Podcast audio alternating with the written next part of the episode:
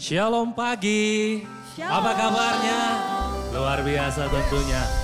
Ada kekuatan baru amin karena Tuhan menyertai kita. Ada satu pesan Tuhan dalam Matius 28 ayat yang ke-20b. Dan ketahuilah aku menyertai kamu senantiasa sampai kepada akhir zaman.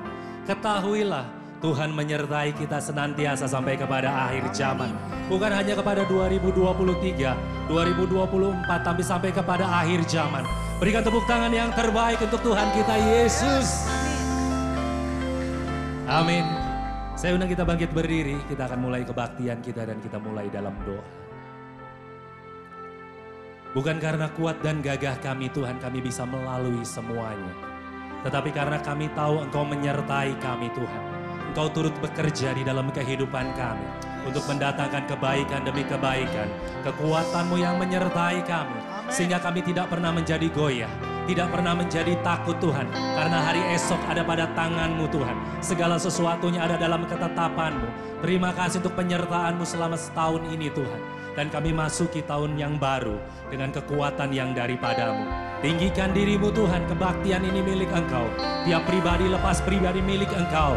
Jadi seperti apa yang Kau mau Tuhan. Terpuji namamu, tempat yang utama bagimu. Di dalam nama Yesus yang percaya katakan, amin.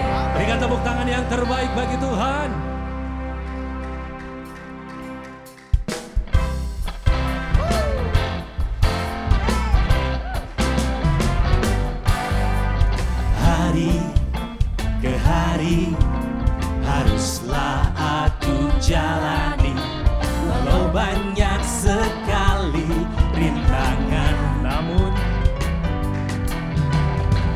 Namun bersama Yesus.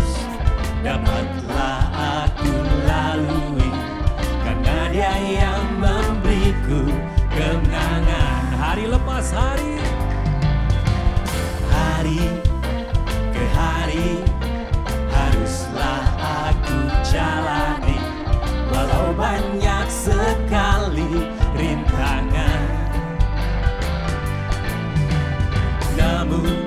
namun bersama Yesus dapatlah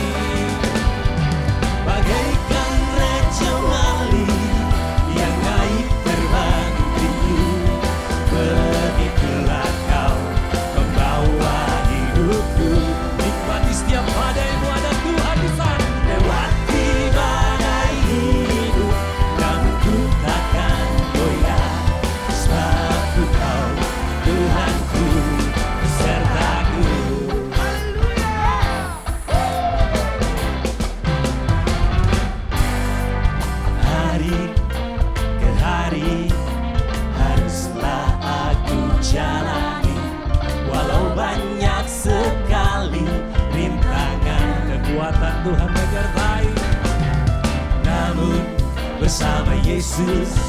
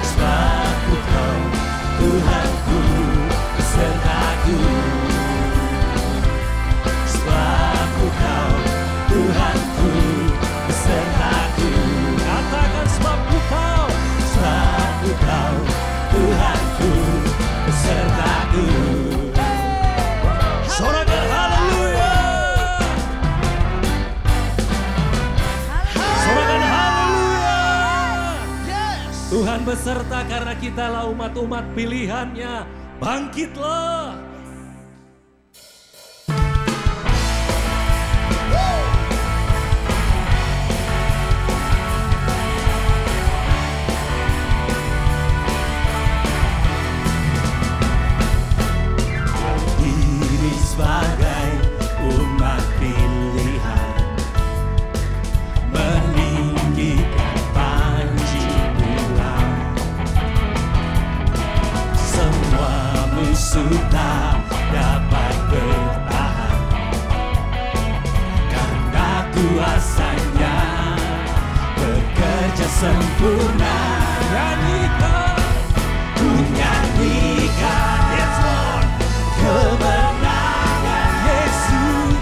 Yesus hebat bagiku.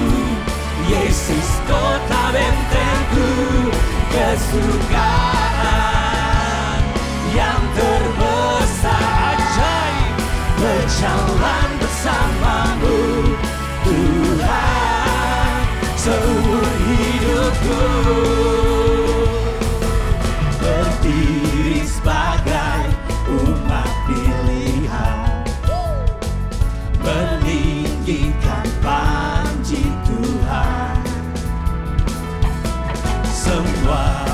Sudah dapat bertahan. Karena karena kuasanya bekerja sempurna. Nyanyikan kemenanganmu ku nyanyikan yes Lord. Kemenangan Yesus Yesus hebat bagiku. Yesus kota bentengku. Kesukaan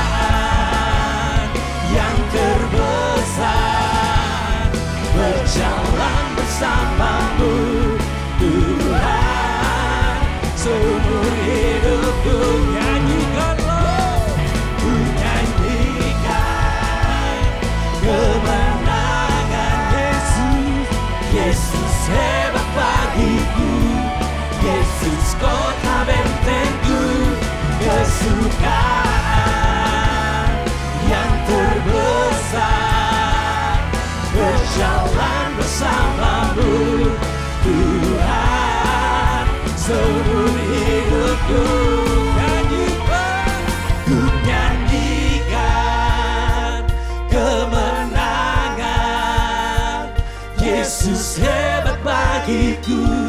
Yesus kota bentengku. Kesukaan yang terbesar. Berjalan bersamamu. Tuhan seumur hidupku.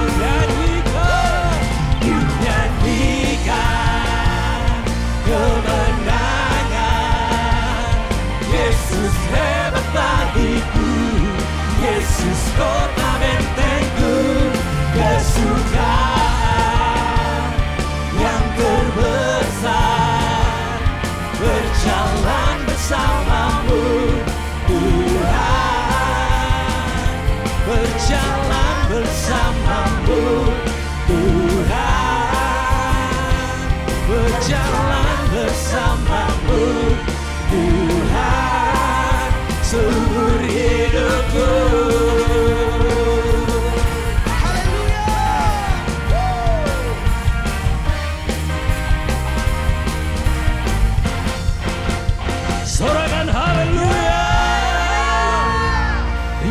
Berjalan bersama dengan kita.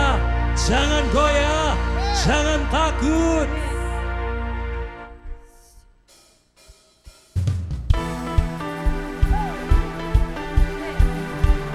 Kalau Allah ada di pihak kita, siapa lawan kita?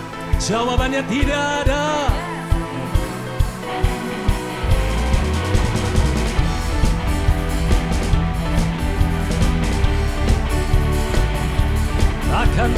Kami goyah Tuhan Karena Engkau menyertai. Takkan pernah ku goyah Walau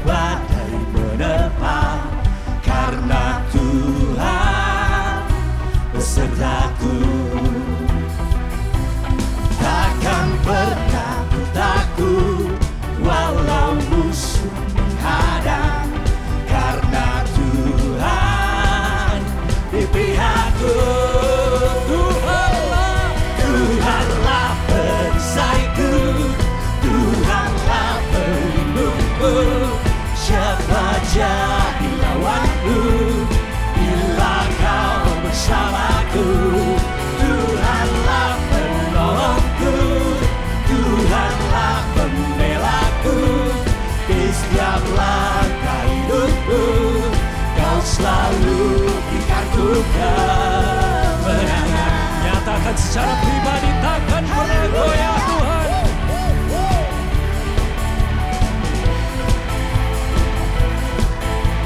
Takkan Takkan pernah ku goyah Walau badai menerpa Karena Tuhan besertaku Itu rahasia orang percaya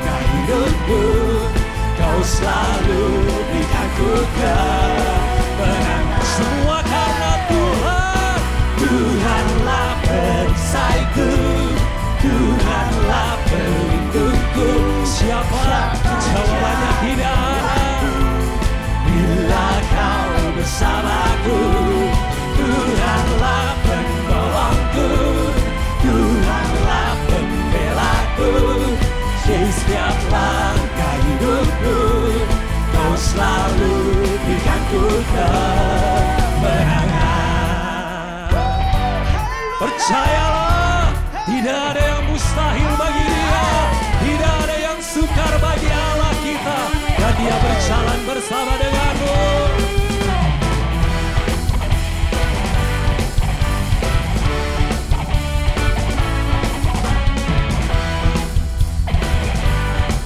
Mari angkat tanganmu dan katakan Tuhan.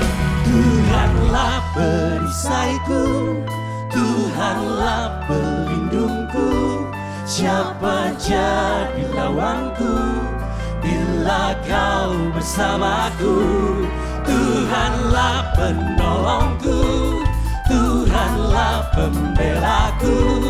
Di setiap langkah hidupku Kau selalu berikanku kemenangan Sorakan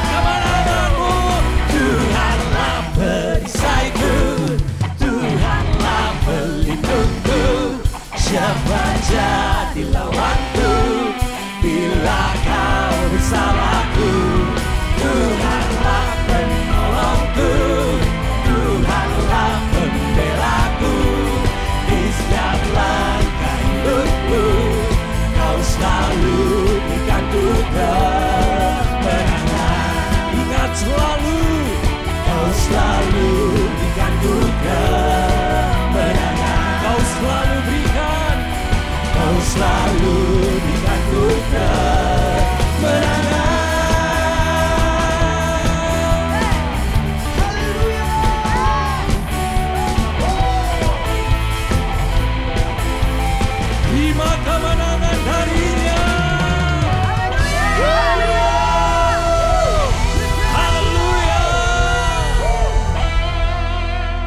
Ada kata selalu Bukan kali-kali Bukan kadang-kadang Tapi selalu Tuhan berikan kemenangan Bagi yang percaya kepadanya Saya persilakan Bapak Ibu duduk Kita akan siapkan hati kita untuk dengar firman Tuhan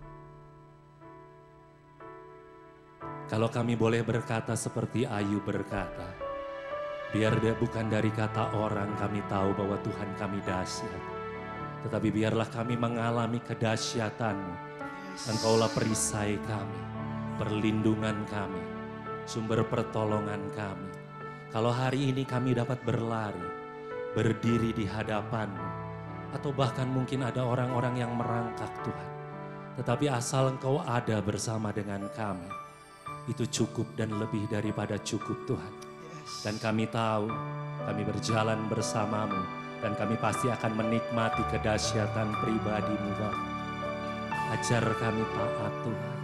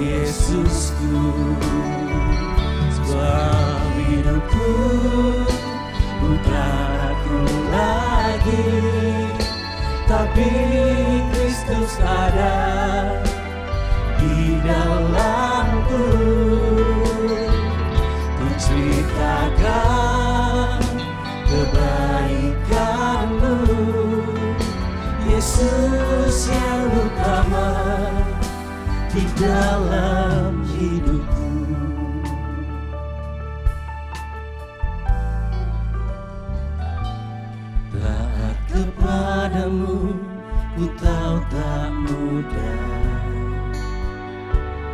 Mengiringmu Tuhan memikul salibmu. Segala cobaan yang ada Ku tanggalkan keangkuhanku Biar ku berkenan padamu Oh Yesusku. Sebab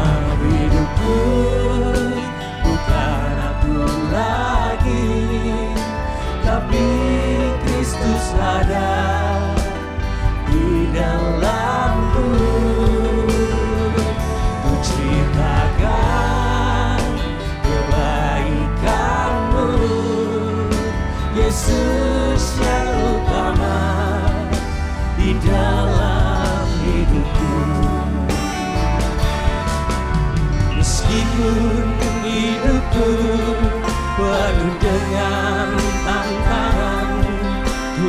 pastikan akan tetap mengikuti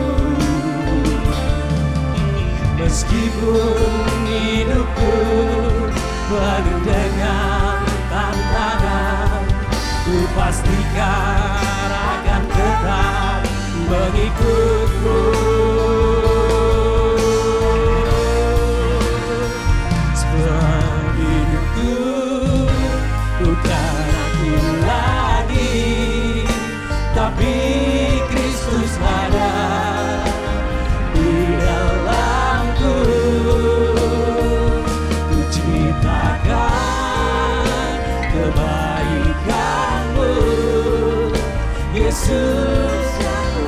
Saya undang Bapak Ibu bangkit berdiri sama-sama.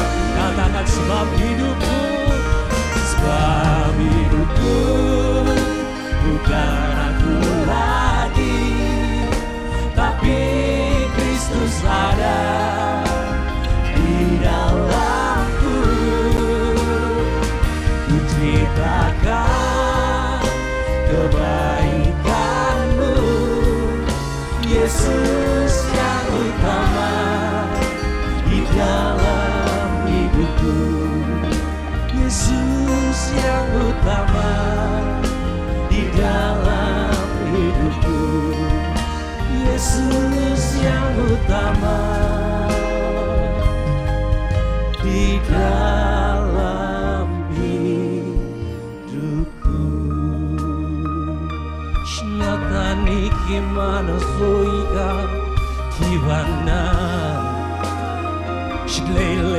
la santeri lebeba Wearase mengutamakan pribadimu ya Allahku ya Tuhanku Shleila santeri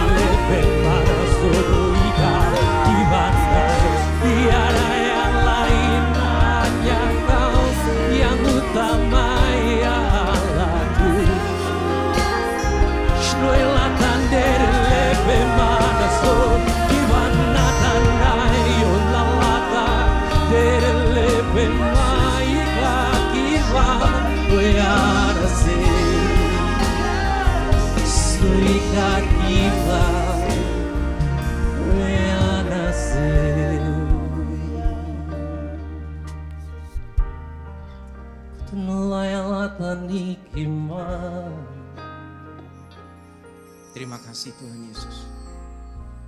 Kami sangat bersyukur Tuhan. Kami ada di hari pertama di tahun yang baru ini. Terlebih lagi kami bersuka karena kami ada di rumah Tuhan. Kami ada di hadirat Tuhan. Beribadah untuk menyenangkan hati Tuhan. Terima kasih untuk keadaan yang baik, kota yang aman, tubuh yang sehat. Kami boleh datang memuji, menyembahmu. Biar ini menjadi dupa yang harum di hadapan Tuhan. Menjadi sebuah awal yang baik di tahun 2023. Kami semakin mengenal hati Tuhan. Kami semakin lagi hidup untuk kemuliaan bagi nama Tuhan.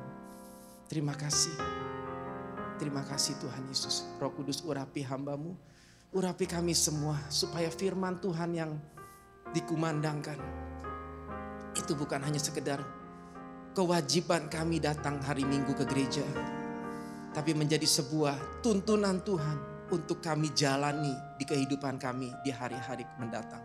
Terima kasih Roh Kudus, urapi hambamu sangat memerlukan engkau. Di dalam nama Tuhan Yesus Kristus. Kita yang siap mendengarkan firman Tuhan dengan semangat katakan. Amin. Silakan duduk Bapak Ibu Saudara semuanya. Terima kasih tim musik. Shalom Bapak Ibu Saudaraku. Selamat tahun baru Bapak Ibu. Senang ada di tahun yang baru? Saya saya exciting. Walaupun kurang tidur tetapi saya sangat bersuka cita. Bapak Ibu Saudaraku yang di rumah bersuka cita. Eh, sebelum kita masuk firman Tuhan, tadi saya dapat titipan eh, untuk menyampaikan, mengingatkan kita semua bahwa karena hari ini adalah tahun baru, eh, kita akan memberikan persembahan awal tahun. Buat Bapak Ibu yang di rumah bisa melalui QRIS, bisa melalui transfer apa pun juga media yang pernah ada di gereja ini. Untuk kita semua yang ada di tempat ini jauh lebih bebas, jauh lebih mudah untuk bisa kita memberikan persembahan awal tahun. Itu titipan pengumuman yang saya mau sampaikan. Eh, kita sudah ada di tahun yang baru, segala sesuatu di depan tidak ada yang tahu, kita pun tidak tahu. Tapi saya pernah menyampaikan di awal bulan November, jika kita orang yang mempercayai Yesus, maka selalu ada terang buat kita orang benar. Yang setuju katakan. Kenapa? Kenapa kita tetap belajar berca- tetap belajar mempercayai Tuhan. Karena kita mau belajar semakin mengenal Kristus. Kita kenal Kristus, kita kenal Tuhan kita. Mari semakin kenal. Supaya kita ketika ada masalah, ketika ada ada problem di hidup kita, kita nggak lupa. Kita menjadi panik, kita jadi lupa ada Tuhan yang beserta dengan kita. Ketika kita menguatkan hati kita untuk semakin mengenal hati Tuhan, semakin mempercayai Dia, ketika tekanan hidup kuat di hari-hari mendatang, kita tetap sadar bahwa Tuhan yang kita percaya adalah pembuat keajaiban. Setuju? Padahal tadi pujiannya sudah berbicara tuh. Sudah berbicara banyak Harusnya pulang aja yuk. Teruskan tidur kita lagi. Tuh, firman pujiannya sudah mengatakan banyak. Semua musuh tak dapat bertahan. Kenapa? Karena kuasamu bekerja sempurna. Setuju? Semua yang Tuhan kerjakan itu sempurna adanya. Hari ini kita mau semakin kenal. Saya firman Tuhan yang saya angkat mengingatkan kita. Hanya untuk menyadarkan kita, mengingatkan kita kembali bahwa Allah yang kita percayai dia itu pembuat keajaiban. Kenalkah kita? Sadarkah kita? Ingatkah kita bahwa Tuhan Yesus yang kita percayai dia pelaku keajaiban? Kita nggak tahu ke depan seperti apa. Mungkin banyak air mata, mungkin setiap tahun juga yang kita sudah lalui banyak air mata, banyak kesusahan. Biarkan saja, toh dipikirkan itu juga tidak menyelesaikan masalah kita. Tapi ketika kita semakin kenal Allah yang kita percayai, Dia sanggup menolong kita dan Dia pasti menolong kita. Satu, cuman satu yang amin maksudnya. Keluaran 15 ayat 11 bilang apa? Wah, nanti baca dari semua versi ya Bapak Ibu. Keluaran 15 ayat 11. Siapakah yang seperti engkau di antara para Allah? Ya Tuhan, siapakah seperti engkau?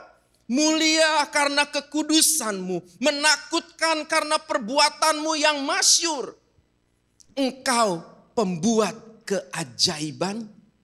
Yesus Tuhan, dia pelaku keajaiban, dia pelaku mujizat, dia yang melakukan segala hal yang tidak mungkin menjadi mungkin. Mazmur 77 ayat 14 bilang begini. Ya Allah, jalanmu adalah kudus. Allah manakah yang begitu besar seperti Allah kami? Jawab di hati.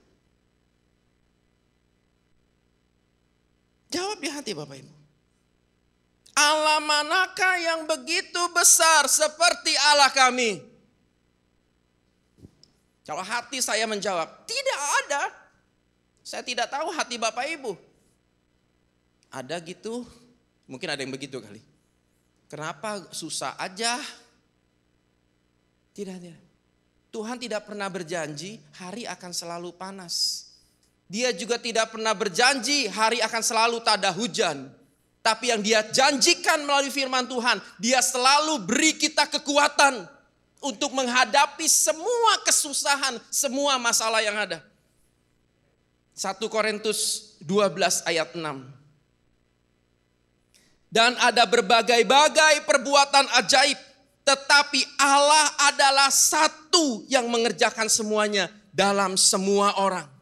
Semua mujizat yang dilakukan Tuhan dasarnya hanya untuk mengasihi kita semua anak-anaknya. Setuju gak sih?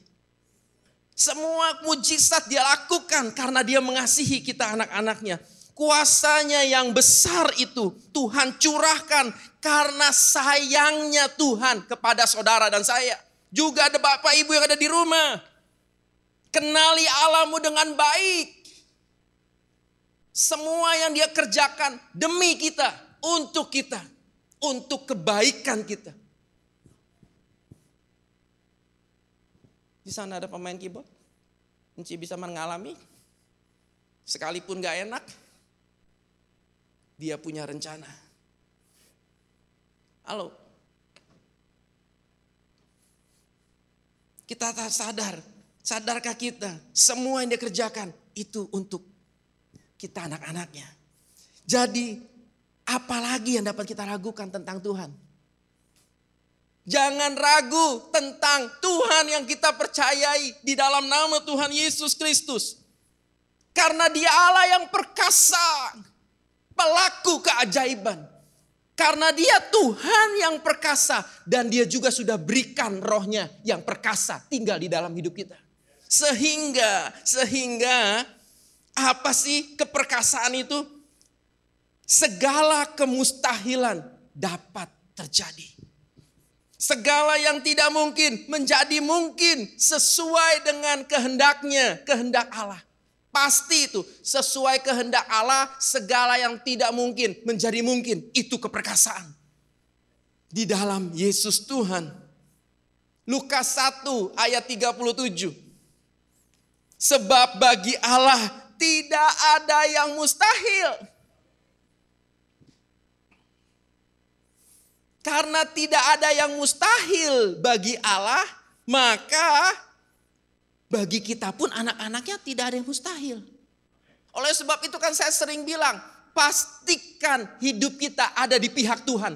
Pastikan Tuhan pun ada di pihak kita. Tadi salah satu pujiannya mengatakan itu kan, Tuhan di pihak kita. Seringkali ketika Tuhan mau ada di pihak kita, kita lari-lari. Meninggalkan Tuhan, jauh dari Tuhan, ingin kebebasan, ingin melampiaskan nafsunya, jauh dari Tuhan. Pastikan Tuhan ada di pihak kita dan kita pun ada di pihak Tuhan. Kenapa saya bilang jika Allah kita perkasa, kita pun perkasa. Karena roh yang perkasa kan ada di dalam kita. Matius 17 ayat 20 kalimat terakhir bilang gini. Takkan ada yang mustahil bagimu asal kita punya iman kepada Kristus. Kalau ayat ini berkata tentang Allah, bagi Allah tidak ada yang mustahil. Matius 17 ayat 20 bilang, oleh sebab itu bagi kita pun segalanya menjadi mungkin. Ingat Bapak Ibu Tuhan mengerjakan 10 tulah bagi bangsa Mesir. Kenapa Tuhan kerjakan sampai 10? Karena Tuhan mematahkan kekuatan berhala yang dipercayai, yang dipuja oleh bangsa Mesir. Bangsa Mesir punya dewa kesuburan. Bagi Tuhan, anak sulung semuanya mati. Beres dah. Dia mematahkan dengan sepuluh tulah, dengan sepuluh keajaiban yang Tuhan, Tuhan kerjakan di masa itu. Laut Merah terbelah dua, bangsa Israel bisa menyeberang, bangsa Mesir tenggelam. Ingat akan cerita itu? Dan it, semua cerita itu bukan sekedar cerita, tetapi sejarah mencatatnya. Dan itu yang melakukannya adalah Tuhan saudara dan Tuhan kita, Yesus Kristus. Kenali Allahmu dengan baik. Semakin mengenal Kristus Bapak Ibu Saudaraku. Ingat kisah tentang mana turun setiap pagi 40 tahun. Ingat kisah tentang burung puyuh datang berduyun-duyun tinggal tangkap. Burung puyuh kan terbangnya cepat. Dia terbang sebatas lutut. Alkitab mencatat. Sehingga apa itu? Mudah ditangkap. Untuk orang yang lansia susah nangkap kalau lagi terbang. Dia jatuh di tanah tinggal tangkap. Bukankah itu yang kita dengar setiap minggu? Tentang keperkasaan Tuhan. Ingat tiang awan, tiang api yang menjagai bangsa Israel. Bangsa Israel tidak kepanasan di terik padang gurun. Karena Tuhan siapkan tiang awan payung yang begitu besar untuk menjagai bangsa Israel dari panas terik. Ingat tiang api yang Tuhan sediakan untuk bangsa Israel menghangatkan tubuh mereka di tengah dingin yang begitu menyengat. Jangan hanya tahu cerita. Jangan hanya tahu, oh iya di Alkitab mencatat itu. Rasakan, alami keperkasaan Tuhan di dalam hidup saudara dan saya. Ingat tembok Yeriko runtuh, tembok yang begitu besar, begitu kuat, runtuh hanya gara-gara dikelilingi sambil memuji Tuhan. Tidak percaya? Tidak mengalami. Ingat tentang air keluar dari bukit batu di tengah padang gurun.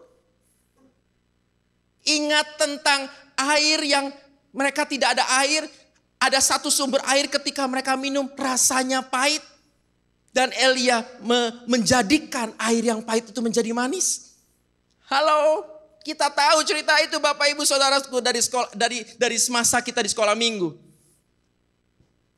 Ingat tentang ketika segerombolan nabi berangkat untuk menebang pohon untuk dijadikan rumah Ketika mereka menebang pohon, salah satu penebang mata kampaknya, mata kapaknya jatuh ke sungai, langsung dia menjerit, "Abdi Allah, mata kampaknya kecemplung, itu barang pinjaman." Elika, Elisa cuma katakan, di mana kecemplungnya? Di situ. Dia ambil sebuah dahan kayu, dia lempar ke sana. Mata kapak itu bisa muncul ke permukaan gravitasi menjadi tidak tidak tidak berfungsi karena ada Tuhan yang melakukan keperkasaan, keajaiban terjadi. Gimana dengan kita Bapak Ibu? Ingat tentang air keluar dari bukit batu? Dua kali kejadian itu. Gara-gara itu Musa sampai tidak masuk tanah perjanjian. Karena bangsa Israel bikin kesel Ingat sekali waktu, nanti baca ini ya di rumah ya. Dua Raja-Raja 20 ayat 9 sampai 11. Saya kayaknya jarang dengar orang khotbah ini. Ketika Hizkia ditambahi usianya 15 tahun oleh Tuhan. Tuhan katakan tiga hari lagi dia akan sembuh dan dia akan datang ke rumah Tuhan. Namanya juga manusia. Tiga hari lagi aku pengen tahu sekarang Tanda-tandanya apa? Kalau tiga hari lagi aku akan datang ke rumah Tuhan. Eh, Hiskia, Raja Hiskia bertanya kepada Yesaya. Yesaya bilang begini, di tempat itu ada sebuah jam mata jam matahari. Yang yang pernah ke Kota Baru Parahyangan melihat museum sains itu ada jam matahari. Ditentukan berdasarkan bayangan matahari Yesaya bertanya kepada Hizkia, oke okay, aku kasih kamu tanda. Ka kamu mau bayangan ini maju, berjalan maju atau mundur? Mundur 10 garis atau maju 10 garis? Kira-kira begini Bapak Ibu supaya gampang membayangkannya. Bapak Ibu diberi tanda. Jam itu maju 10 menit atau mundur 10 menit. Bapak Ibu pilih yang mana?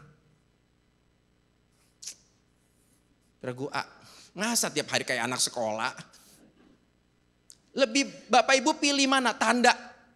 Aku mau tahu jawaban hari ini memastikan tiga hari kemudian.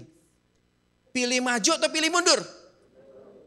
Mundur 10 menit. Kenapa? Karena maju, untuk jam dia berjalan maju itu mudah kata Hiskia. Aku minta mundur 10 menit. Untuk matahari itu pasti dia cenderung akan akan akan bergeser terus ke barat. Itu maju bayangannya 10 tapak. Itu mudah, itu wajar, itu lumrah. Itu logis, masuk logika. Aku minta bayangan itu mundur 10 tapak. Dan itu, Yesaya berdoa, minta Tuhan melakukannya. Tuhan buat matahari sinarnya mundur 10 tapak. Artinya hukum alam tidak berlaku dibandingkan dengan kuasa Tuhan. Sebab alam semesta ini dibuat oleh Allah kita yang besar. Saya bukan pengen ditepokin tangan. Saya tahu Bapak Ibu mau tepuk tangan untuk Tuhan yang besar. Jadi tepuk tangannya jangan nanggung.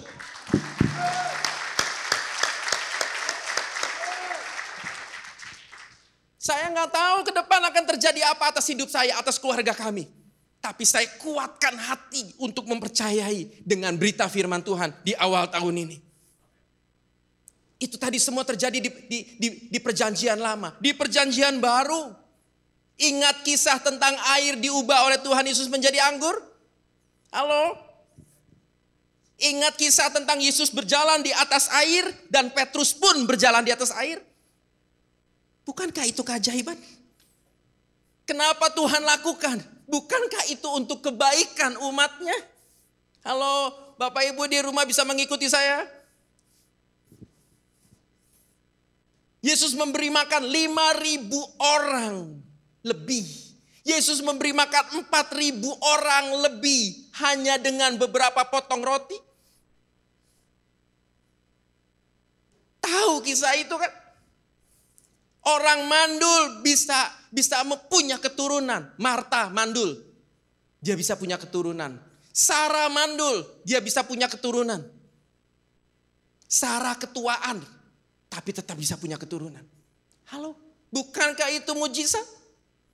Bukankah di sekitar kita anak-anak Tuhan yang bertahun-tahun berumah tangga, tidak punya keturunan, ketika dia mempercayai Tuhan dan Tuhan beri dia keturunan, itu mujizat.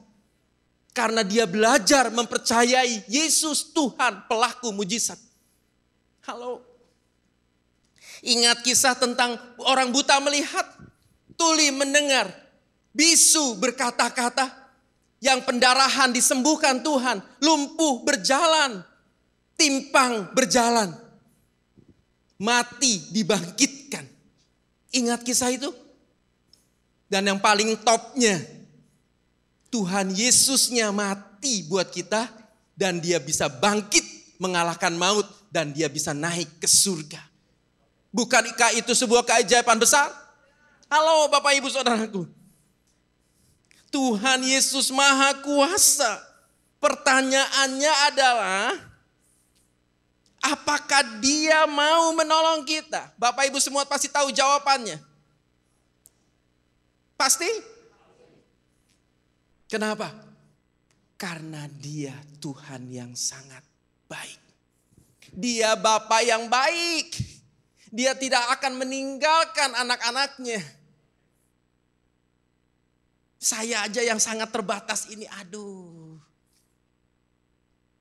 Anak saya satu di Jakarta kan, kalau hari hujan di Bandung hujannya, artinya mikirin anak saya yang di Jakarta. Padahal di Jakartanya cerah tidak hujan. Ini bapak yang sangat penuh kekurangan. Ini ayah yang sangat penuh kekurangan. Tapi bapak kita di surga, dia sempurna, dia sanggup menolong, dia pasti menolong kita. Yesaya 64 ayat 4. Ini bacaan eh, Abah baca firman Tuhan dua hari yang dua hari yang lalu. Waduh, dapat ayat ini saya tambahkan di khotbah hari ini. Tidak ada telinga yang mendengar, dan tidak ada mata yang melihat. Seorang Allah yang bertindak bagi orang-orang yang menanti-nantikan dia. Hanya engkau yang berbuat demikian. Setuju. Tidak ada pribadi lain atau Allah lain yang dapat menolong orang-orang yang memuja dia. Selain Tuhan Yesus yang siap selalu menolong setiap kita yang berharap kepada Dia. Mungkin Bapak Ibu yang ada di sini atau yang ada di rumah, aku sudah tahu kisah itu sejak masa mudaku, tapi aku tidak pernah mengalaminya. Wah rugi ya jadi orang Kristen kalau caranya begitu. Kita tidak kenal Allah kita dengan baik. Mungkin saja kita tidak mengalami mujizat demi mujizat Kenapa sih kita ingin mengalami mujizat? Untuk kenyamanan hidup. Ayo. Kalau hidup kita nyaman, kita tidak perlu mujizat, kita juga tidak perlu Tuhan. Orang Kristen banyak yang begitu kan? Padahal Tuhan kita, engkau engkau baik ataupun engkau tidak baik, dia selalu ada bersama kita. Ketika kita ada di puncak kejayaan, dia ada bersama dengan kita. Tapi ketika kita ada di lembah air mata, dia pun duduk menemani kita. itu Allahmu, itu Allahku. Saya paling suka dengan sebuah kalimat, Tuhan pembelaku. Artinya apa? Aku gak punya apa-apa, aku gak punya apa-apa, aku gak punya siapa-siapa yang dapat membela aku. Tidak ada satu orang pun di pihakku, hanya Tuhan. Amin Bapak Ibu. Memasuki tahun yang baru ini, kita harus semakin mengenal Kristus. Tuhan yang kita percayai, dia Tuhan pembuat keajaiban. Saya tambahkan ini di ayat terakhir. Tuhan ingatkan isinya. Jumat 2, tanggal 23. Masih banyak hal. Yohanes 21 ayat 25. Multimedia kalau nggak keburu, ah terima kasih. Baca Bapak Ibu. Masih banyak hal lain yang diperbuat oleh Tuhan Yesus. Tetapi jikalau semuanya itu harus dituliskan satu persatu, maka agaknya dunia ini tidak dapat memuat semua kitab yang harus ditulis itu. Sebuah lagu bilang begini, andai kata semua laut itu adalah tinta. Andai kata cakrawala ini jadi kertas. Andai kata semua orang menjadi pujangga. Bis jago bikin syair. Dan mereka semua mau menulis tentang kebaikan Tuhan. Bait selanjutnya bilang begini. Air laut yang andai kata itu tinta. Andai, air laut pun akan kering. Dan langit pun tak cukup memuat semua kasihnya kepada manusia yang diselamatkan. Utara ke selatan, dari timur sampai barat, hanya secari kertas yang terbatas. Bapak ibu kenal Allahmu yang seperti itu? Halo, jawab aja di hati. Saya nggak perlu. Uh, saya percaya Pak, saya nggak perlu. Jawab aja di hidup kita. Kenal Allahmu yang sehebat itu. kenal pribadi. Tadi di awal WL juga mengingatkan, jangan seperti Ayub. Oh, kata dia, Allahnya Allah kita perkasa. Kata yang itu, Allahnya perkasa. Saya ya puji Tuhan lah ya. Mudah-mudahan keperkasaan itu ada pada saya. Hmm, rugi. Punya papa yang perkasa, tapi kita anak-anaknya tidak mengalami punya Allah yang hebat. Kita tidak mengalami anak-anak. Kita diselamatkan. Itu tidak ada pribadi lain yang bisa menyelamatkan. Dia beri yang terbesar. Itu yang udah ditaruh di depan dulu. Di awal dia sudah berikan pada hidup kita. Engkau selamat masuk surga jika engkau percaya Tuhan Yesus. Yang lainnya, keajaiban, kemustahilan, itu semua bonus yang menyertai kita karena Tuhan melihat kita membutuhkannya di muka bumi ini. Bagaimana dengan kita Bapak Ibu? Semua bisa menangkap apa yang saya sampaikan pagi ini. Bapak Ibu yang di rumah. Kita nggak tahu. Ini hari pertama. Buat saya, saya mau belajar untuk ke depan. Belajar selalu bersuka cita. Karena apa pun yang kita alami, dia peduli dia tahu, dia mengerti kesusahan-kesusahan kita. Bagian kita adalah hidup dalam pertobatan. Kenapa penting hidup dalam pertobatan? Kita sedang menempatkan diri ada di pihak Tuhan. Pagi ini kita juga mau masuk dalam perjamuan kudus Bapak Ibu. Mari siapkan hidup. Untuk masuk perjamuan Tuhan di hari pertama di tahun yang baru ini.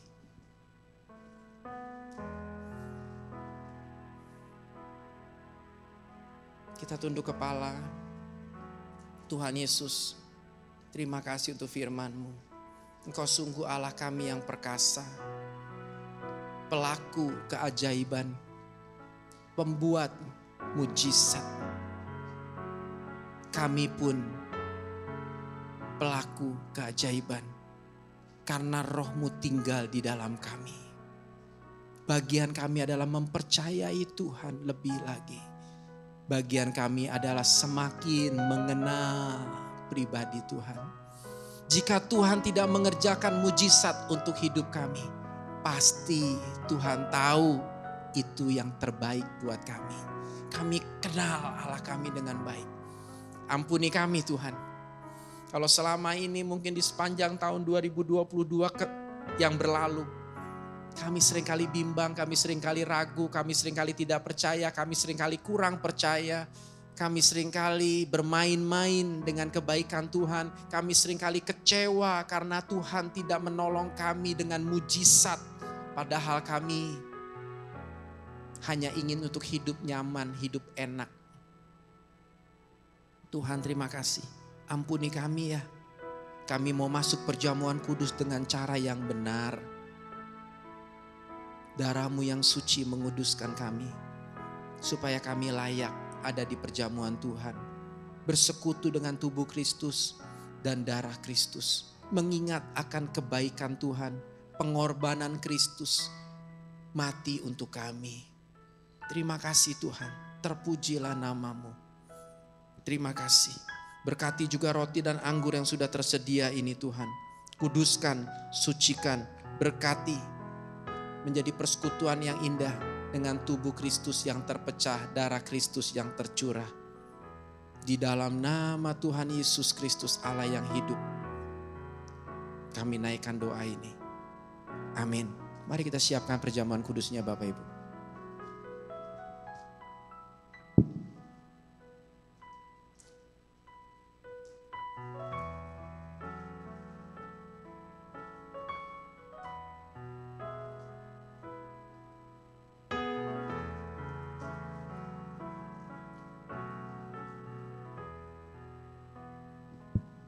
Apakah semuanya sudah dilayani? Semuanya bisa buka anggurnya? Yang di rumah sudah siap? Saya dengan hormat saya undang-undang kita semua bangkit berdiri. Demikian kata firman Tuhan. Sebab apa yang telah kuteruskan kepadamu telah aku terima dari Tuhan, yaitu bahwa Tuhan Yesus pada malam waktu ia diserahkan mengambil roti. Kita angkat rotinya. Dan sesudah itu ia mengucap syukur atasnya.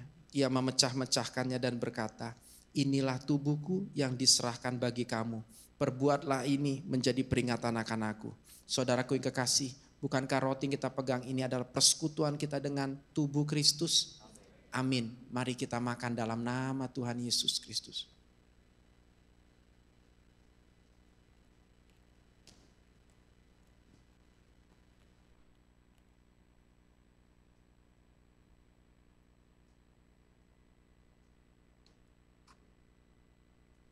Kita angkat cawannya. Demikian juga ia mengambil cawan sesudah makan. Lalu berkata, cawan ini adalah perjanjian baru yang dimeteraikan oleh darahku. Perbuatlah ini menjadi, perbuatlah ini setiap kali kamu meminumnya menjadi peringatan akan aku. Saudaraku yang kekasih, bukankah cawan yang kita pegang ini adalah persekutuan kita dengan darah Kristus? Amin. Mari kita minum dalam nama Tuhan Yesus.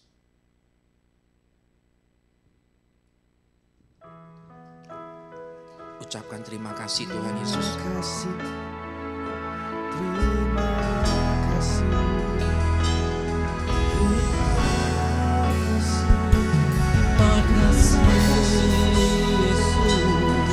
Terima kasih Tuhan Yesus Engkau baik. Terima kasih Tuhan Yesus kebaikanmu menyelamatkan kami. Terima kasih Yesusku. Terima kasih Yesusku. Terima kasih. Terima kasih. Yesus. Terima kasih Yesus. Puji syukur